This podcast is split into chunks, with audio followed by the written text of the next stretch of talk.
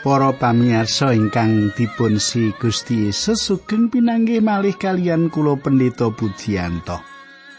Kados pundi pawartos panjenengan katang kula menapa panjenengan dipun berkahi Gusti Allah utawi ing wekdal menika panjenengan wonten ing kahanan ingkang sakit utawi wonten ing coban ingkang awrat inggih menawi panji kados makaten ya sing sabar nggih ngadepi sedaya masalah panci kedah kados mekaten nggih.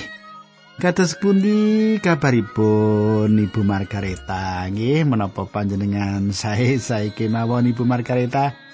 Nggih kula mangke menawi langkung kutha panjenengan tak mampir nggih. Kepingin ngertos kepingin kenal kula mangkaten nggih.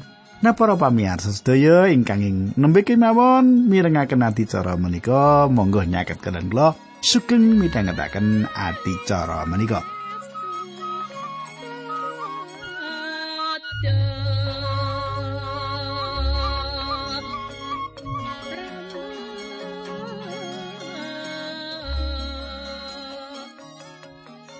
Para pamirsa ing pepanggian kepengker kula sampun ngaturaken bilih ing pimpinanipun Israel. Nih, ing pimpinanipun Israel satunggalipun pakaran ageng sampun dipun laksanakaken sinaosa dereng rampung 100%. Kados pundi salajengipun kita badhe semak ing wanci menika lan saderengipun kita lajengaken monggo kita nyuwun tuntunanipun Gusti langkung rumiyin. Monggo kita tumungkul. Satunggalipun nugroho ingkang boten kantenan ingkang saged kawula tampi duh pangeran. Dene kawula saged tetunggilan malih kalian sedherek kawula sinaosa.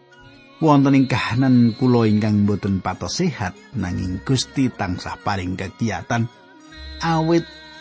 Kula wonten ing gegono menika dipun ajeng-ajeng dening sedherek kawula Linambaran asmanipun Gusti Yesus Kristus kawula pasrahaken ati cara menika wonten ing asta paduka. Haleluya. Amin.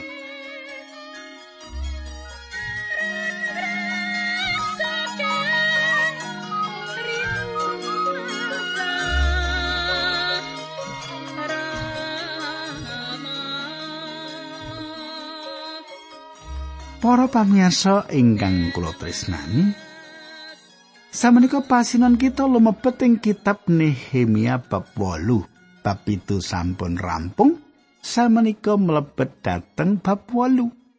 Ing salebetipun pasal-pasal saderengipun kita nyemak pilih Nehemia cecawis njagi kita Yerusalem. Lan piyambakipun milih juru nyanyi. Nehemia gadah kekajengan pilih Yerusalem dipun penuhi sukornanipun Gusti. Selajengipun piyambakipun ngawontenaken pamaosan kitab suci ingkang saestu penting kangge dumadosipun kebangunan rohani. Kita maos bab 8 ayat setunggal ngantos kalih. Ing sasi kapitu wong Israel wis padha manggon ing kuthane dewi-dewi nalika tanggal siji sasi kuwi wong kabeh padha nglumpuk ing Yerusalem. Ing alun-alun sang ngarepe gapura banyu wong-wong mau padha nyuwun supaya Imam Esra mundut kitab Torat. Esra kuwi ahli Torat ya kuwi kitab sing kaparingake dening Allah lantaran Musa.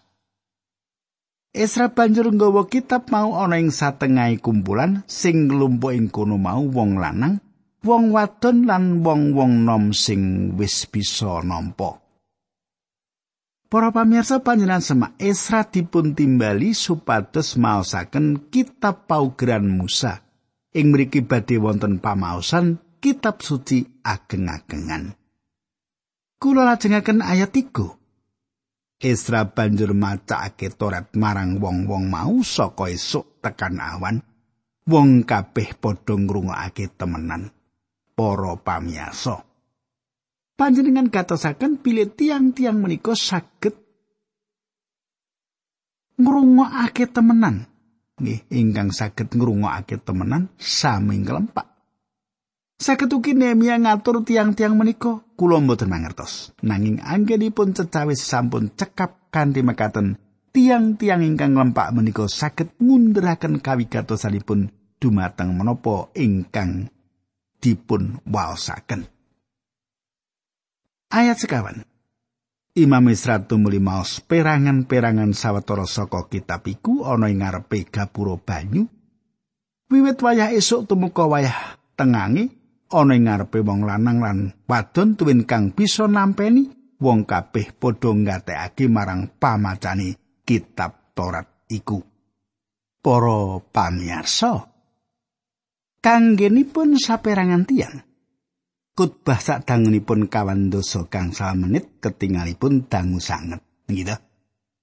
Nanging tiang-tiang Israel ingkang lempak menika rumaos saestu kasengsep tiang-tiang Israel sampun wonten ing pambucalan sadangunipun pitung puluh tahun lan boten nate mirengaken pangandikanipun Gusti Allah dipun waosaken. Pamaosan kitab suci menika satunggalipun pengalaman inggal kangge tiang-tiang kala wau. Kita lajengaken ayat kangsa Imam Isra ahli kitab iku jumeneng ana ing mimbar kayu kang ginawe pancen kanggo keperluan iku kang ngadeg ana ing sisih tengene Matika, Sema, Anaya, Uria, Helkia, lan Maasea dene ing sisih kiwani Pedaya, Misael, Malkia, Hasum, Hasbadana, Zakaria lan Mesusalam. Para pamirsa panjenengan katosaken sesarengan Esra ingkang ngadeg wonten 13 tiang.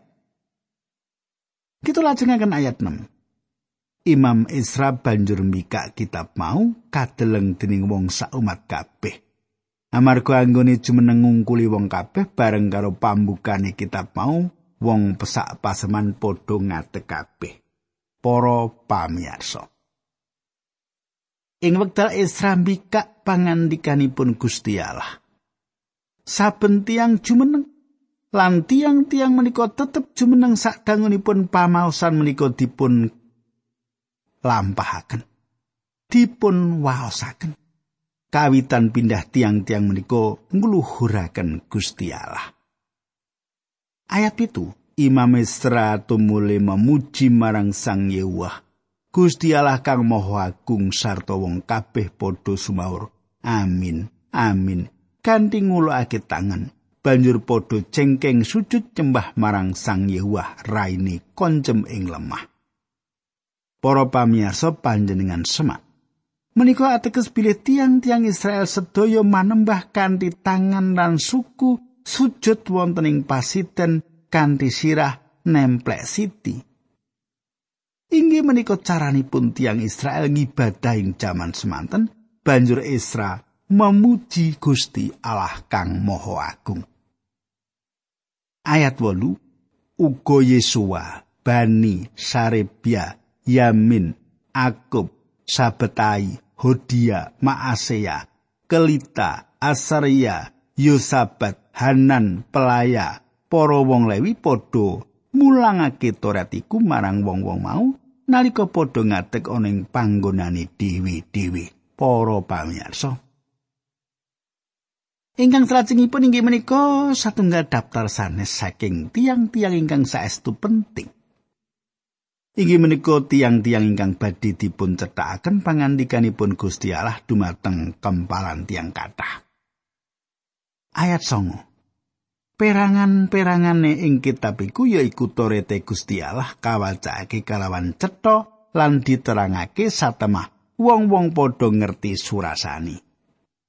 Kadang kula kempalan tiang kathah menika nglempak ing pinggir gapura toya ing salebetipun tembok Yerusalem. Tiang-tiang ingkang dipun sebataken ing salebetipun ayat 8 dipun papanaken ing tengah tiang kathah. Isra ahli Torete menika badhe maosaken saperangan saking kitab Torat lan salajengipun piyambakipun badhe mandek. Sawetawis tiang-tiang ingkang dipun papanaken ing kempalan pesaman menika tanglet dumateng golonganipun. Apa kowe kabeh ngerti apa kang diwacakake?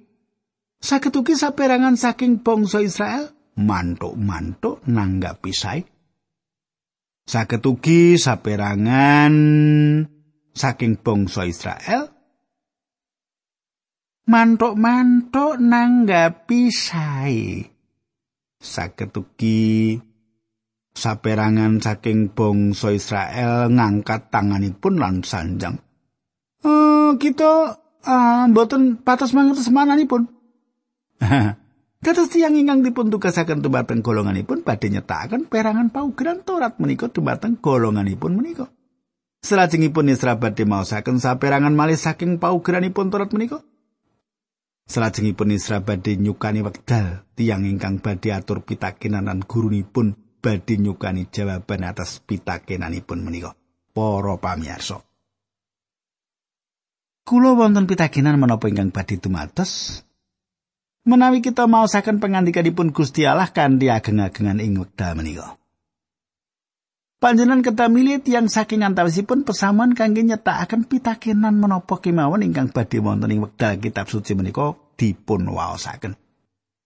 Upaminipun pasal kawitan kitab Efesus dipun waosaken, panjenengan boten perlu maos kedangon saderengipun satunggalipun perkawis ingkang nyata wonten. Efesus 1 ayat papat meratelaken awit sadurunge jagat katitahke yono ing panjenengan iku Gusti Allah wis milih kita. Para pamirsa, pangandikan menika lajeng nuwuhaken pitakenan. Menapa to ingkang dipun kersakaken Paulus menika? Menapa piyambakipun sawek nyukani bucaran kegayutan tiang-tiang pilihan? Menapa doktrin kegayutan tiang pilihan menika? saged ugi pamaosan kitab suci ageng-agengan ing gereja kita badhe ndatengaken kebangunan rohani. Menapa ingkang dipun tindakaken ing salebetipun kitab Nehemia menika mbuktekaken perkawis menika? Kadang kula. Pamaosan paugeran Torat lan pitakenan saha jawaban pitakenan dados jalaran tiang mangertos makna paugeran Torat tiang-tiang ngadeking papanipun piyambak-piyambak lan ing wekdal wonten perkawis sing salebetipun pamausan menika mboten dipun mangertos. Tiang-tiang menika angsal keterangan kados pun dicetanipun. Kulo secara pribadi pitados bilih isi kitab suci sawetahipun kedahipun dipun wucalaken kados makaten menika lan saben ayat ingkang boten dipun mangertos kedahipun dipun cetaken. Kula mboten sarujuk kanthi cara mendet satunggal ayat kitab suci lan ngutbahaken Injil saking ayat menika. Inggih awit saking patrap ngutbahaken satunggal ayat menika arang tiang gatosaken pangandikanipun Gusti Allah sawetahipun. Kula mboten yakin nanging menapa ginanipun ngakeni kitab suci kanthi mboten jujur. mendet setunggal ayat utawi setunggal ira-iraan salajengipun diwangun dados setunggal khotbah ingkang lebet lan jembar tanpa nate wangsul dumateng wucalan kitab suci kangge nyetakaken. Kula pitados Gusti Allah kagungan karso supados kita maos kitab suci lan budidaya nyetakaken sesarengan kita ngetrapaken wonten ing lampah gesang kita. Para pamirsa Wonten satunggal bucalan sanes sing salebetipun Nehemia 8 ayat 9. Wonten kathah cara ing salebetipun khotbah. Inggih menika kanthi naliti secara psikologis lan kanthi miwiti secara akademis lan kathah ingkang boten ginakaken kekalipun. Mitra kula sanjang dumateng rektor satunggal seminari piyambakipun remen miringaken cara kula mucalaken kitab suci kanthi nyetakaken ayat mboko ayat. Cara menika inggih menika cara Gusti mimpin kula nindakaken pangandikanan kula pitados menika pilih cara menika satunggalipun cara utawi metode ingkang selaras kalian wucalan kitab suci. Inggih menika caranipun. Perangan-perangan ing kitab iku yaiku Torat Gusti Allah. Kawacake kelawan cetha lan diterangake satemah wong-wong padha ngerti surasani. Cara menika ateges pilih kita kedah mangertos menapa ingkang dipun ngandikaaken Allah ing salebeting sabdanipun. Para pamirsa. Tumugi wekdal kapan kemawon tiang badhe jumeneng maos pangandikanipun Allah kanthi nengenaken perkawis ingkang mligi. Tiang menika maosaken kitab suci kados-kados menika pangandikanipun Allah. Nanging kasringen sawetawis tiang jumeneng lan ndungkluk kanthi mekaten suwantenipun namung saged dipun pireng bangku kaping tiga saking mimbar. Utawi tiang maos kitab suci kanthi gumerang Nehemia 8 ayat 9 meratelaken pilih paugeran Torat dipun waos kanthi cetha. Inggih menika ingkang dipun kersakaken Gusti Allah. Israel lan tiang sanes mboten nate nderek kuliah kados pundi cara khotbah lan craton ing ngajengipun tiang kathah. Khotbah ing ngajengipun tiang kathah. Nanging Israel lan tiang menika pitados pilih menika pangandikanipun Gusti Allah. lan tiang kali menika maosaken kados-kados menika pangandikanipun Gusti Allah. Pangertosan kula bilih menika cara ingkang dipun kersakaken Gusti Allah dumateng kita supados dipun tindakaken ing satunggalipun pangibadah ing gereja. Kula mboten merduli sepinten banteripun tiang nyanyi piyambakan utawi kados menapa endahipun tiang ingkang mainaken piano utawi kados menapa endahipun khotbah ingkang dipun lantaraken. Menawi kitab suci boten dipun waosaken kanthi cetha lan pangertosanipun boten dipun terangaken kanthi makaten tiang mangertos, pangibadah menika boten wonten ginanipun Gusti Allah ngersakaken pangertosan dipun tampi pesaman sasampunipun maos pangandikanipun Gusti Allah. Samenika ayat doso. Sang Nehemia yaiku kepala daerah karo Imam Esra ahli kitab sarta para wong Lewi kang mulang marang wong-wong mau banjur padha ngendika marang wong sak bangsa kabeh. Dina iki dadi sesengkerane Sang Yewah Gusti Allahmu kowe aja padha prihatin lan nangis nalika krungu surasane Torat. Para pamirsa Kadah ing antawisipun tiang-tiang menika mboten nate mirengaken pangandikanipun Gusti Allah saderengipun Pamaosan ingkang cetha lan bucaran paugeran Torat dados jalaran tiang-tiang menika ngakeni dosanipun.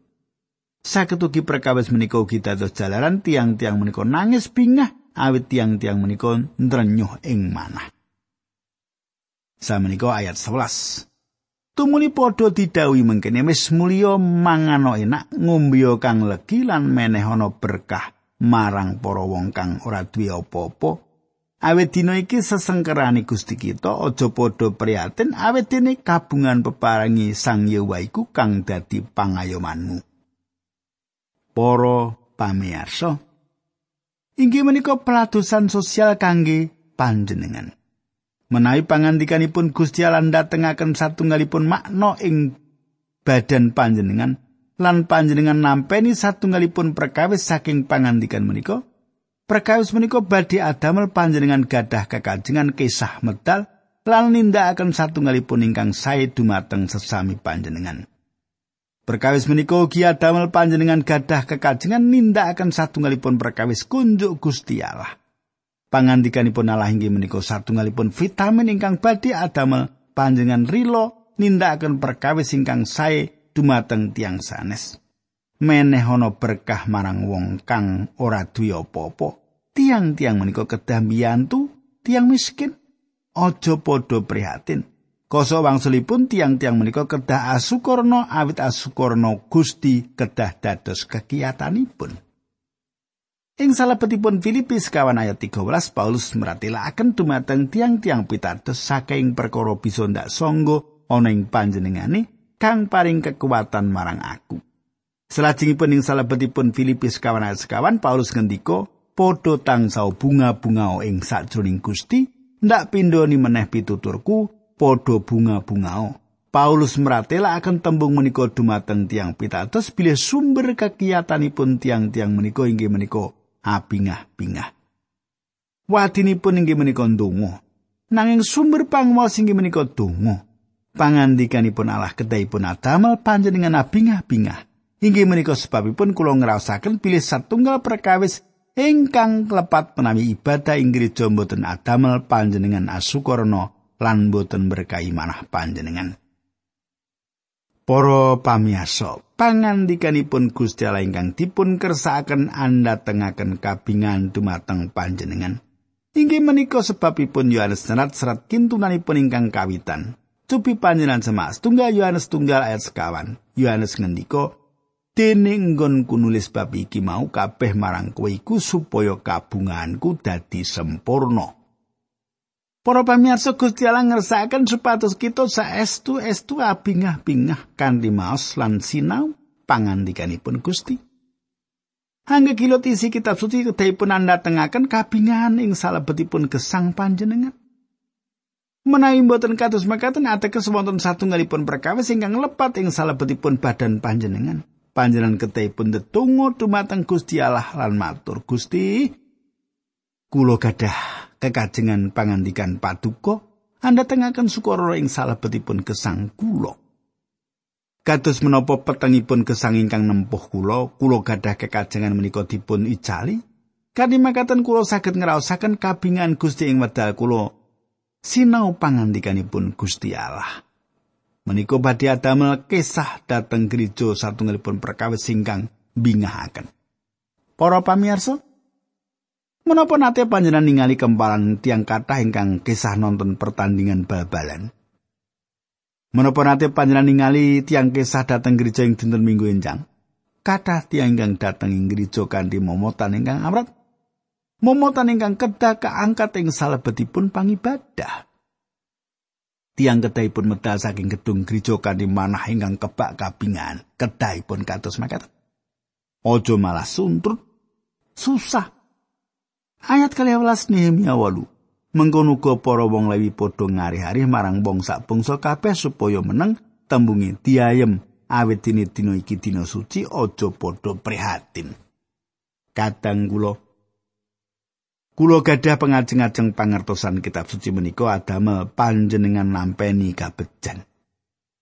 Kada tiang ingkang mirengaken adicara menika ingkang ngaturaken paseksi kados pundi pangandikanipun Gusti Allah menika anda tengaken kabingahan Anda tengaken kegiatan lan menika makarya wonten ing salebeting gesangipun. Pangandikanipun Gusti Allah badhe anda tengaken daya pengaruh ingkang sae ing salebetipun manah kita menawi kita ngidinaken. Wong kabeh banjur padha mulih. Nehemia 8 ayat 13. Wong kabeh banjur padha mulih sarta banjur padha mangan lan ngombe apa dene padha mbagi pangantin padha pista-pista. awit wis padha mangerti pangandika kang diterangake mau. Para pamirsa, kasurung kangge sinau paugeran Allah dados jalan kathah pemimpin anda tengi Esra, enjangipun kangge angsal langkung kathah wucalan. Ayat 18 lan kang 11 dumugi 16. Ing dina kapindhone para panggedhening kula wangsane bangsa kabeh apa dene para imam lan para wong Lewi, padha nglumpuk ana ing ngarsane Imam Isra ahli kitab perlu ngrasa-ngrasake surasane Taurat. Ing kono tinemono tulisan kang kamot ing angger-angger kang kaparingake dening Gusti Allah lumantar Nabi Musa.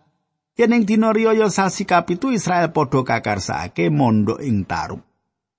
Sarta kedawan giyarake undang-undang marang saking kutha-kutha tuwin ing Yerusalem kang surasane mengkini padha menyang ing pagunungan amea godhong saitun, godhong wis lenga, godhong wis murat, godhong wis kurma lan godhong wis kang grembuyung kagawe yasa tarup netepi apa kang katulisan.